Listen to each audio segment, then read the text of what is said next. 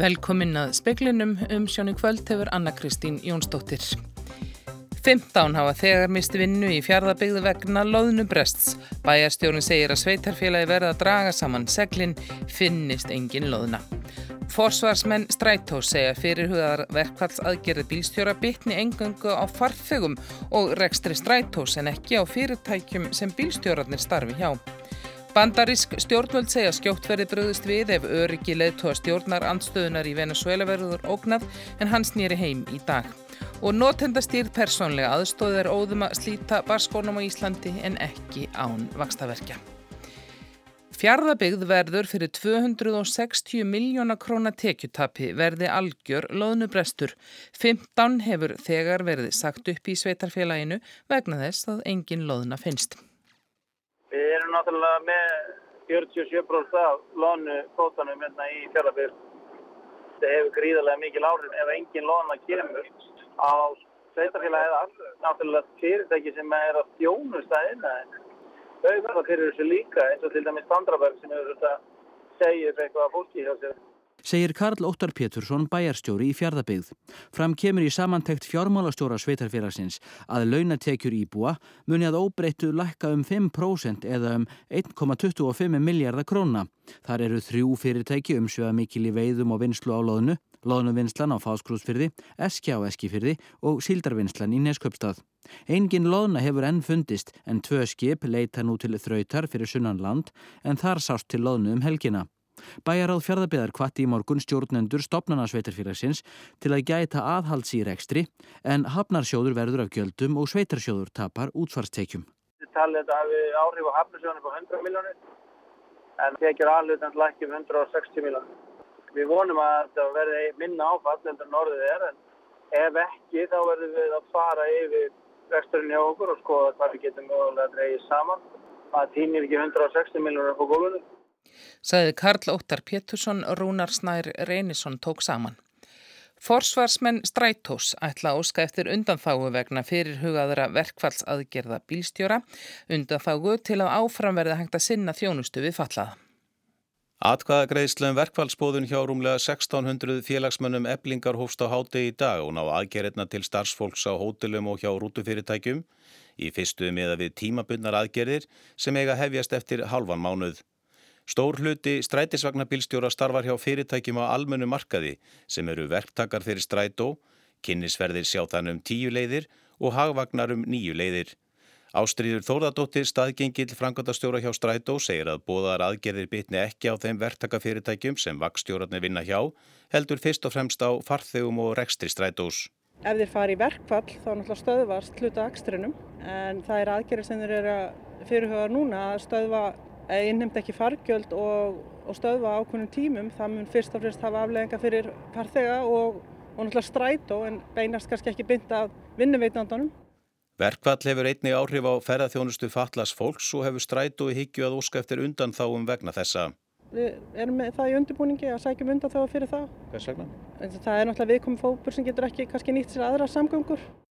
Sæði Ástriður Þorðardóttir, Hauskuldu Kári Skram tók saman.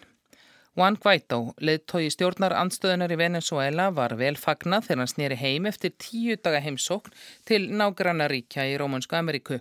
Tveggja daga mótmæli gegn Nicolasi Maduro fórsetta eru hafinn og bandaríkjumenn segjast bregðast skjótt við ef öryggi Guaidós verður ógnað. Mannfjöldi fagnaði Juan Guaidó á alþjóðaflúvellinum í Caracas þegar hann kom þangað frá Kolumbíu síðdegis. Þar voru einnig sendiráður nautar frá bandaríkjunum, ríkjum í Rómunsku Ameríku og Evrópusambandsríkjum. Vætó fór úr landi fyrir tíu dögum þrátt fyrir ferðabann hæstarettar Venezuela. Hann átti því á hættu að verða handtekinn við heimkomuna en lögreglega aðhafðist ekkert.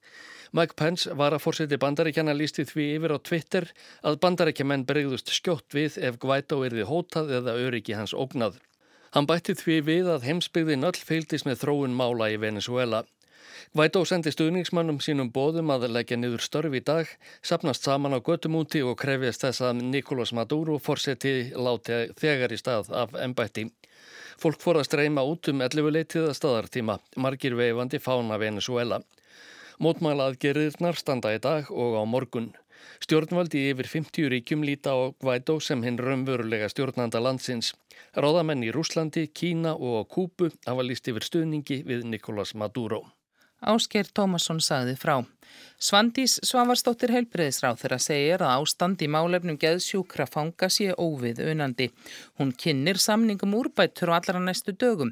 Helga Vala Helgadóttir þingmaður samfylkingar spurði ráð þeirra um erfiða stöðu geðsjúkra fanga og að fangilsismálastofnun hefði ítrekka beint sjónum stjórnvalda ástandinu og fengið umbóðsmann alþingist til liðs við sig. Íslensk stjórnvöld hafa vita af þessu ástandi misserum saman en viðbröð eru því miður engin. Áhugi til úrbóta virðist ekki til staðar. Eh, er hæstvirtur heilbyrðisáþaras eh, sammála því að þetta sé með öllu óbóðleg meðferð á frelsissviftum einstaklingum og má spyrja hvort stjórnvöld ætli að svara því hvernig þau hugsa sér að tryggja mannréttindi þessa þjóðfélagshóps Eh, virðulegi forseti, ég er sammála hátturtum þingmanni um að, uh, þetta er óviðrandi ástand og ég er líka sammála athugasemdur sem hafa komið frá umbúsmanni alþingis um það sama. Þannig að það þarf að uh, láta hendur standa fram úr ermum í þessu og markmiðið er það með þessum samningum sem eru núna á borði sjúkratrygginga Íslands og utanum haldu utanum þetta fyrirkomulag að framkvæmdi verði á hendi sérhæðu sjúkrahúsuna í samræðu við heilsugæsluna og það þarf auðvitað að sinna þessu á fjórum stöðum á landinu. Og, og þetta er allt saman í uh, framkvæmt. Uh, við erum að uh, ljúka þessum samningum. Ég vonast til þess að geta sagt eða greint þinginu eða miskusti þingnefndinni frá niðurstöðu málsins á allra næstu dögum. Þetta miskusti stendur yfir þessi samskipti. Sagði Svandís Svavastóttir. Jón Snædal öldrunarleiknir segir að flækjustigi þjónustu við fólk með heilabilun sé allt of hátt. Fjöl margir komi að henni og stefn ekki alltaf í sömu átt.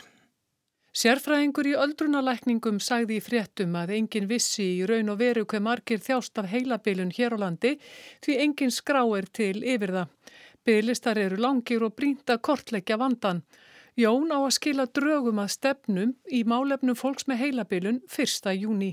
Ég hef gert þetta reyndar áður fyrir þetta samaráðuniti fyrir liðlega áratug og það var skísla sem hefur somt sér vel í skúfuránið sinns síðan. Tímasetningin hafi verið óheppileg rétt fyrir hrun. Sko ef ég á nefna eitt atrið þá er það að flækjustegið er í raunver allt og meikið.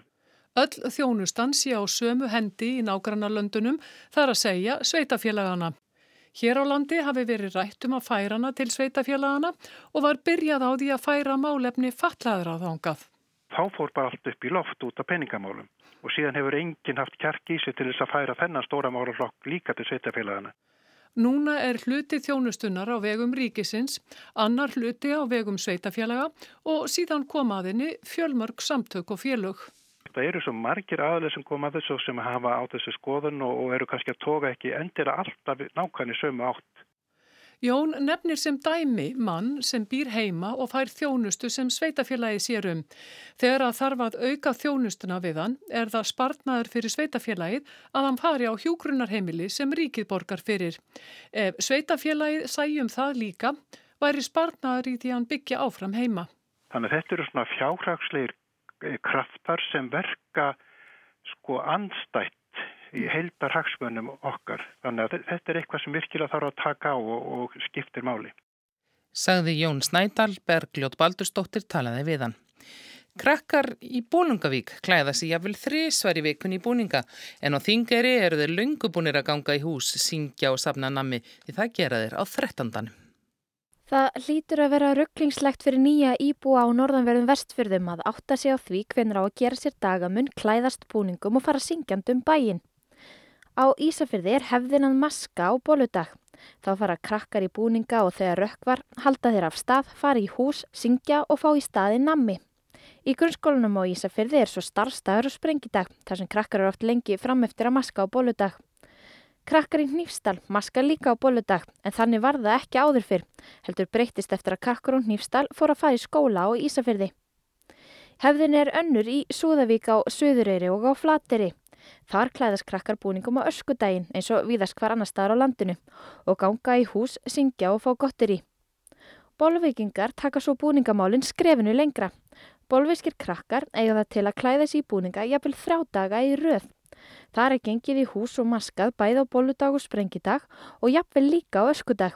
En Lára Gísladóttir, rittar í grunnskólanum í Bólungavík, segir að það sé nú reynda að draga úr því að krakkar maski líka á öskudag, en það tveir dagar kannski bara nóg. Þá er það þingari. Þar eru krakkar löngu búinir að ganga í hús og syngja og sníkja gottir í, þar sem það er gert á þrettandanum. Halla Ólafstóttir saði frá. Um helgina greindist hér tæplega 11 mánuða gamalt batn með mislinga. Batnið sem var óbólusett var í sama flugi og maður með smitandi mislinga um miðjan februar. Batninu sem er á batnaspítala hringsins heilsast vel eftir atvikum að því segir í tilkynningu sóttvarnarleiknis í dag og ekki eru taldar líkur á frekari smiti frá því. Hérlendis eru börn bólusett við mislingum við 18 mánada og 12 ára aldur. Barni sem greintist var ekki nema 11 mánada eins og aður sagði og hafði því ekki fengið mislingaspröytu. Þórólfur Guðnason, sóttvarnaleknir, segir að fólk þurfi að hafa í huga þegar það ferðast með ung börn að mislingafaraldur geysa á vissum svæðum í Evrópu. Hér á landi er, og eins og annar staðar við það, þá er mælt með fyrstu bólusetningu við 18 mánada aldur Það má reyndar færa þá bólusetningu neðar ef, í, í svona, við svona ymsar aðstæður. E, það er hægt að, og þá niður í 12 mánuða sérstaklega, það er hægt að bólusetja börn á aldrinu 6 mánuða til 12 mánuða en, en árangurna þeirri bólusetningu er mjög óviss. Er, nú hafa borist fréttir bara síðustu misseri af, mér og sem er að tala jafnvel um mislingafaraldur í Evrópu og vissum svæðum, er ástæða fyrir fólk til dæmis sem er að ferðast með ung börn að, að láta bólusetja fyrir heldur vandir?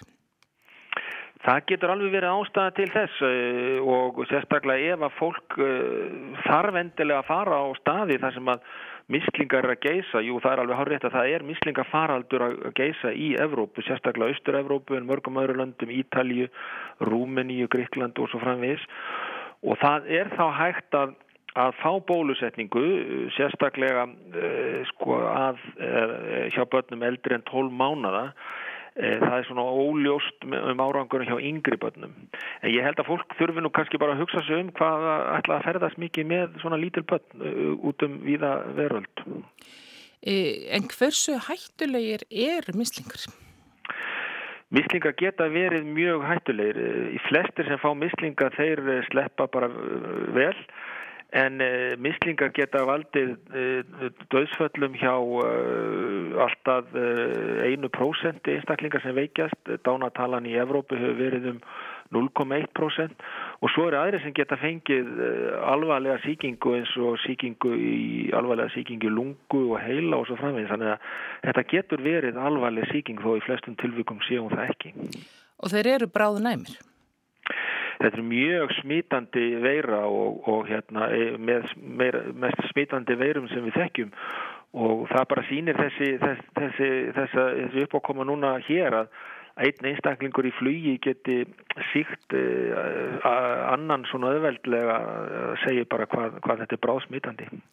Fullirðingar og fréttir um að bólusetningar við mislingum, rauðum, hundum og hettusótt, oft kallaðar MMR bólusetningar, geti valdið einhverfu, hafa heyrst annarslægið í um 20 ár.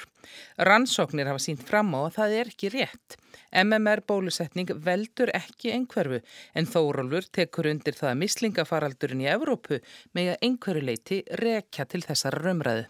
Vaflast eru líka fleiri ástæður, það eru svona trúalegar ástæður í ymsum hópum í Östur-Evrópu og, og svo má líka rekja þennan faraldur í Evrópu núna til e, þessa bólusetningarprogrammi í Úkrænu þar hundi og, og einhverjir vilja kenna rúsum um það en allavega hafa, e, hafa bólusetningar e, verið svona mjög brotakendar í Úkrænu og mislingar blossað upp í kjölfarið og, og dreifst þaðan út um, út um Evrópu.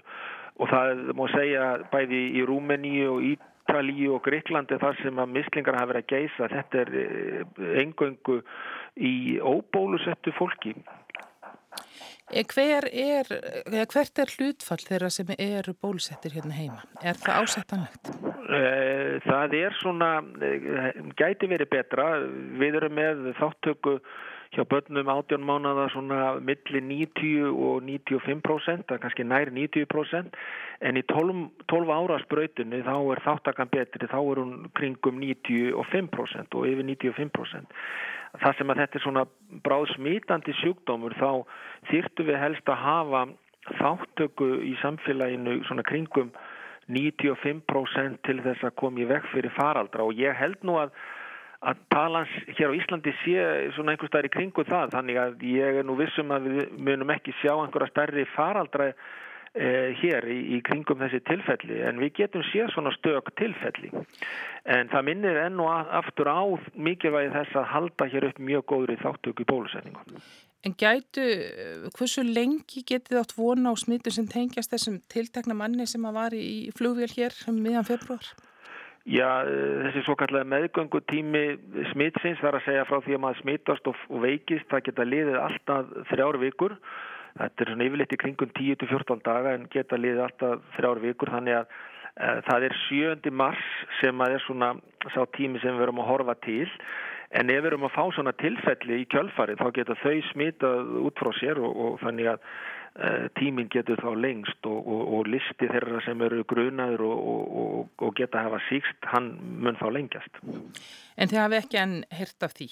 Ekki enn þá, en það er bara verið að fylgjast mjög náið með því og við vitum svo sem ekki hvað gerist núna næstu dögum. Saðið Þórólfur Guðnason. NPA er að geta skrópað í skólanum. NPA er rjóminn af félagsþjónustu. Krem de la creme. NPA er álag. NPA er flókið. NPA er frelsi. NPA er nánd. NPA er ábyrð. NPA er uppspretta siðferðislegra álitamála. NPA er réttur fatlas fólks með miklar þjónustuþarfir, barna og fullorðina, óháð því hvort skerðingin er hugræn eða líkamleg. Þetta er meðal þess sem að speilin hefur heyrt um notendastýrða persónulega aðstóð en lögum hana voru samþygt í april í fyrra. Næstu daga fjallar speilin um NPA sem að nú er að slíta barskonum hér á landi. Fyrst og fremst um fólkið sem nýtir sér þjónustuna en líkum sveitarfjölugin sem sum hver skortir þekkingu og reynslu, taksta sem að geta sög sumra ítt undir svo kallaðan monkey business og all hlutverkin í tengslum við þjónustuna. NPA er ekki lengur tilraunaverkefni en samt er þjónustan ekki takmarka laus. Það hefur ríkt ákveðin óvissa. Laugin voru samþygt í april í fyrra en reglugerðin kom ekki fyrir í lok síðasta árs.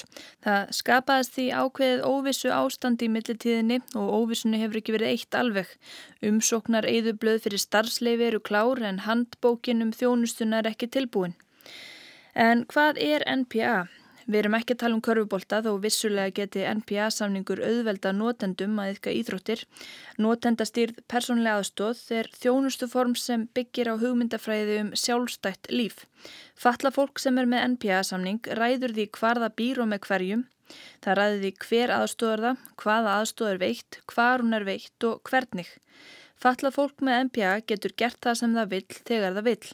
NPA er því ákveðin mótsögn við stopnanakerfið þá hugmynd að einhverjir aðrir en fatlað fólk viti hvað því er fyrir bestu. NPA er ekki fyrir alla. Fólk þarf að teljast vera með mikla þjónustu þörf til að eiga rétt á NPA, þurfa aðstóði meira en 15 klukkustundir á viku. Sveitarfélög meiga gera litla samninga eins og þeir eru kallaðir en þau þurfa þess ekki. NPA miðstöðin barðist fyrir því að NPA er því líka réttur þeirra sem ekki þurfa mikla þjónustu en fekk það ekki í gegn. Aftur á um móti fagnar miðstöðin því að fólk með þroskahömlun og börn eigi samkvæmt lögunum rétt á NPA. Í dag eru tæplega 80 NPA samningar í gildi á landinu. Megin þorrið er að heyra undir þrjú sveitarfjölög, Reykjavík, Hafnarfjörð og Mósvelsbæ. Sveitarfjölögin greiða 75% kostnaðar við aðstóðina en ríkið greiðir 25% í gegnum jöfnunarsjóð. Ekki er útlitt fyrir að allir sem vilja NPA fái NPA strax því það er kvóti á framlag ríkisins. Tilstendur að fjölga samningum í skrefum í ár geta er orðið 103 og árið 2022 þegar að innleggingaferlinu líkur eiga að vera orðnir 172. Fjárhagslegt umfang þeirra gæti þó haft áhrif á fjöldan. Þannig er þversögn, falla fólk á rétt á MPA en gæti samt þurft að býða eftir því að fá þjónustuna og sveitarfjölögin geta borið fyrir sig fjárskort. MPA miðstöðin er ósátt við þetta, segir MPA eiga að vera valkost fyrir fólk en ekki sveitarfjölög. En hvernig er þjónustan útferð? Fatlaður einstaklingur, notandi, semur við sveitarfélagsitt um að fá sjálfur að sjá um að skipulegja sína aðstóð. Hann metur þjónstutör sína, hvaðan þarf aðstóði marga klukkutíma á dag og við hvað. Sveitarfélagið og notandin eiga svo á grundvelli þessa mats að komast að samkominnlagi og út frá því er áætlað mánaðalegt fjárframlag sveitarfélags. Loka ákurinin er samt í raun sveitafélagsins og notandi getur kært úrskurðessum umfang þjónustunnar til úrskurðanemdar velferðamála ef hann er ósáttur. Fallaði einstaklingurinn er í ábyrðarstöðu. Hann þarf þegar hann er komið með samning að ráða til sín aðstóðar fólk, gera fyrir það vinnuplan og verkstýra því. Hann gerist í raun vinnuveitandi aðstofafólk síns, eins eða fleiri einstaklinga og þarf að vera með allt á reynu, lögum vinnuvend, skatta, tryggingar, kaup og kjör. Hér á landi hefur meiri hluti þeirra sem er með NPA-samning valið að taka þetta allt að sér, en minni hluti hefur valið að fjela umsýslu aðila, að sjá um praktísku þættina. Ísland sker sig úr að þessu leiti, á Norðurlöndunum eru flestir með umsýslu aðila.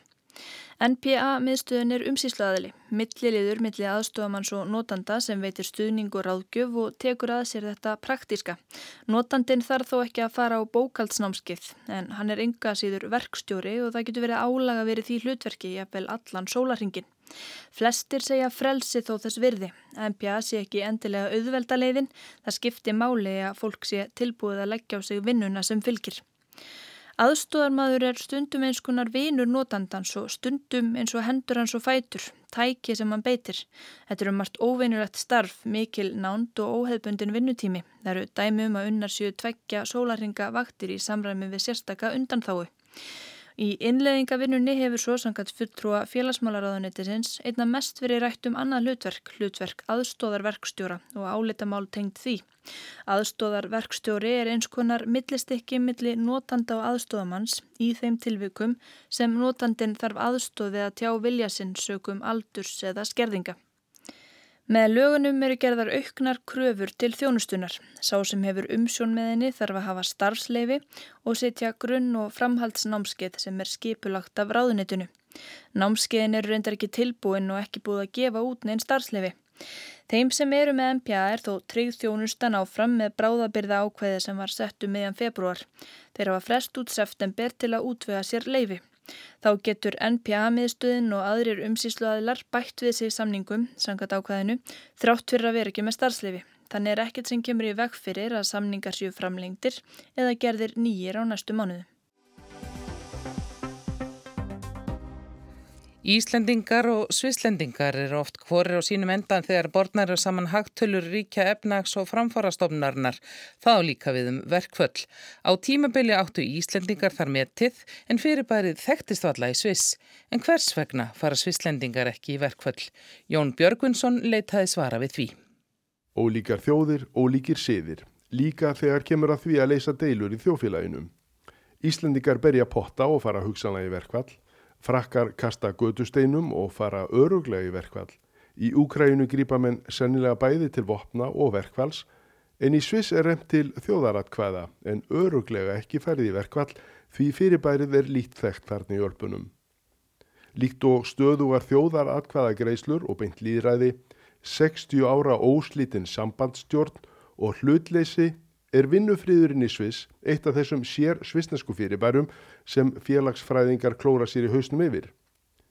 Fáir eru jafn sjaldan frá vinnu vegna verkfalla og svisslendingar. Í Sviss eru almenn laun með þeim herri sem þekkjast. Brútt og meða laun í landinu eru 780.000 krónur á mánuði en um það er deilt hvort hafi komið á undan, ekkið eða hænan. Efna svisslendingar ekki til verkfalla vegna þess að launi þar eru svo há eða eru launin há vegna fríðarinn sem ríkir þar á vinnumarkaðnum. Svarið er kvorugt, segja hagfræðingar. Benda reyndar á að þótt svislendingar séu sjaldan frá vinnu vegna verkfalla, bæti þeir það vel upp með almennri herskildu í Sviss sem veldu því að landsmenn eru vikun saman frá vinnu vegna herþjónustu. Skýringana verði að leita annar staðar. Á Íslandi eru 86% laun þegar í stjættarfjölugum en í Sviss aðeins 18%. Er það skýringin á ólíkri verkfallstíðinni í löndunum tveimur? Alls ekki segja sérfræðingarnir aftur og telja engin tengsl þarna á milli. Í Fraklandi séu til dæmis aðeins 8% launþega í stjættarfélögum en þeir séu samt heimsfrægir fyrir verkvöld. En hvað þá um kjærasamninga? Á Ísland eru 90% launþega með kjærasamning en í Sviss aðeins helmingur. En aftur hrista sérfræðingarnir hausinn. Samkvæmt samantekt efnahags og framfarastofnunarinnar hafa korki fundist tengst á milli verkfælstíðni og stjættarfélagsþáttöku nýja á milli verkfælstíðni og útbreyslu kjærasamninga í þeim 36 löndum sem standa að OECD. Og tíðni verkfalla virist heldur ekki hafa áhrif á hagvöst til lengri tíma litið, frakkar með sín tíðu verkfall og íslendikar sem slóu öll verkfallsmet á 8. og 9. áratögnum búa ekki við minni hagvöst en hindir friðsælu svislendingar. Þótt nýlegar tölu líki ekki fyrir að verkfallsvopninu hefur verið minna beitt á Íslandi síðust árin miðað við 8. og 9. áratugin þegar mest gekk á. Þá slóu Íslendingar OECD með með að meðaltali alltaf 1500 tapaða vinnudag á ári á hverja þúsund laun þegar á meðan Svíslendingar voru og eru enn að missa út aðeins einn og einn dag í verkvöllum á hverja þúsund. Að mati Alessandro Pellizzari, verkalýsleitoga hjá Unia, stærsta almenna stjættarfélagi Sviss með 200.000 meðlimi, er ástafa vinnufríðarins í Sviss sögu og menningarleg, fremur en efnahagsleg. En 1937, la Suisse était entourée de pays fascistes euh, qui étaient en train de massacrer les syndicats. Euh, la paix du travail a été signée avec le pistolet à, à la temple. Árið 1937 þegar Sviss var umlugið fasistaríkjum sem voru búin að þurka út stjættarfélög sín stóð svissnesku verkalýður frammi fyrir afarkostum. Annarkvort fyrir eins fyrir ykkur eða þið undirritið vinnufríðarsáttmála. Sviss kom eitt óskattað út úr styrjöldinni með fulla framleiðni og góð laun. Því held þessi sátt áfram og heldur enn. Sáttin fælst í því að þótt verkfallsréttur í Sviss sé nú stjórnarskrárbundin er hann mun takmarkaðri en víða annar staðar.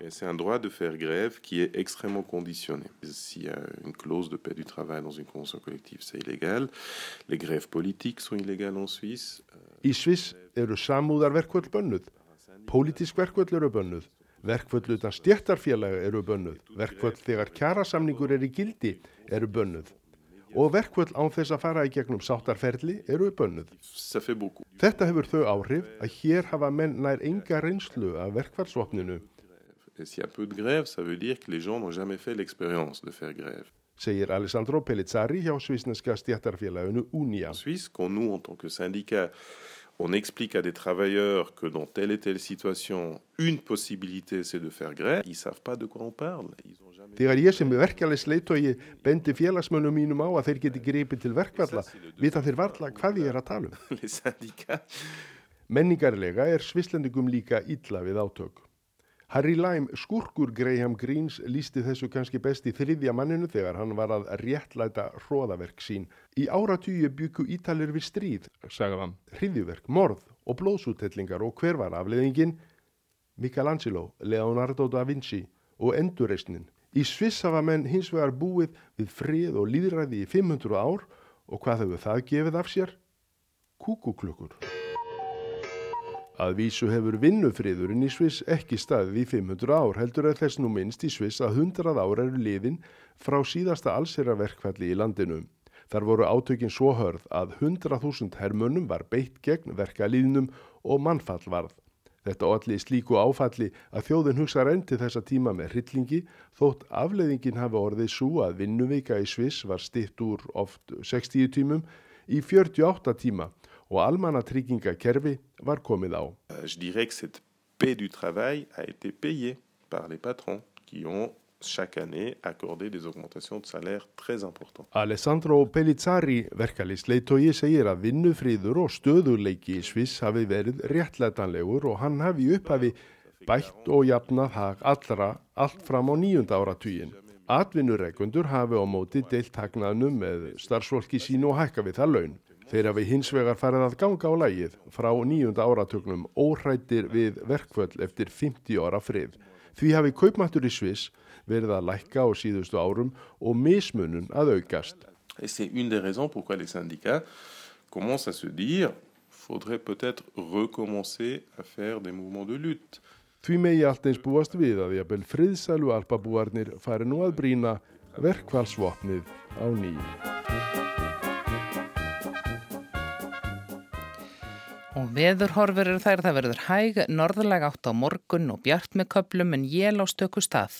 Frostað sjöstegum en hitti kringum frostmark sunnanlands. Speklinum er lokið í kvöld, tæknimaður var Mark Eldredd veriði sæl.